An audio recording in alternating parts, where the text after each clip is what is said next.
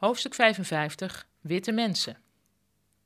Rond het jaar 2000 was een bepaald boek in bepaalde westerse kringen heel populair: Stuff White People Like.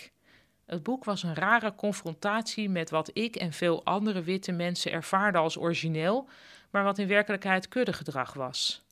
Uit dit boek leerde ik dat het heel wit is om van houten vloeren te houden dat het ideale scenario voor een wit mens is om te verhuizen naar een oud huis waar lelijke vloerbedekking ligt, om vervolgens een stuk van die vloerbedekking weg te halen, waarna er ineens een prachtige houten vloer tevoorschijn komt.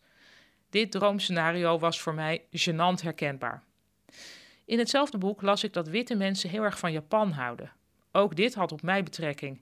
Specifiek zouden witte mensen ervan houden om in Tokio naar de Tsukiji vismarkt te gaan. Check, dat had ik ook gedaan. En ik had die markt zelfs zo leuk gevonden dat ik een schoudertas had gekocht waar Tsukiji op stond. Zo'n cliché was ik. Terzijde voor de luisterboekluisteraars, ik heb geen idee of white, uh, Stuff White People Like of dat boek nog bestaat en gangbaar is, maar het is geschreven door Christian Lander, L-A-N-D-E-R. En ik google hem net even, het lijkt me, ziet eruit als een, een witte man.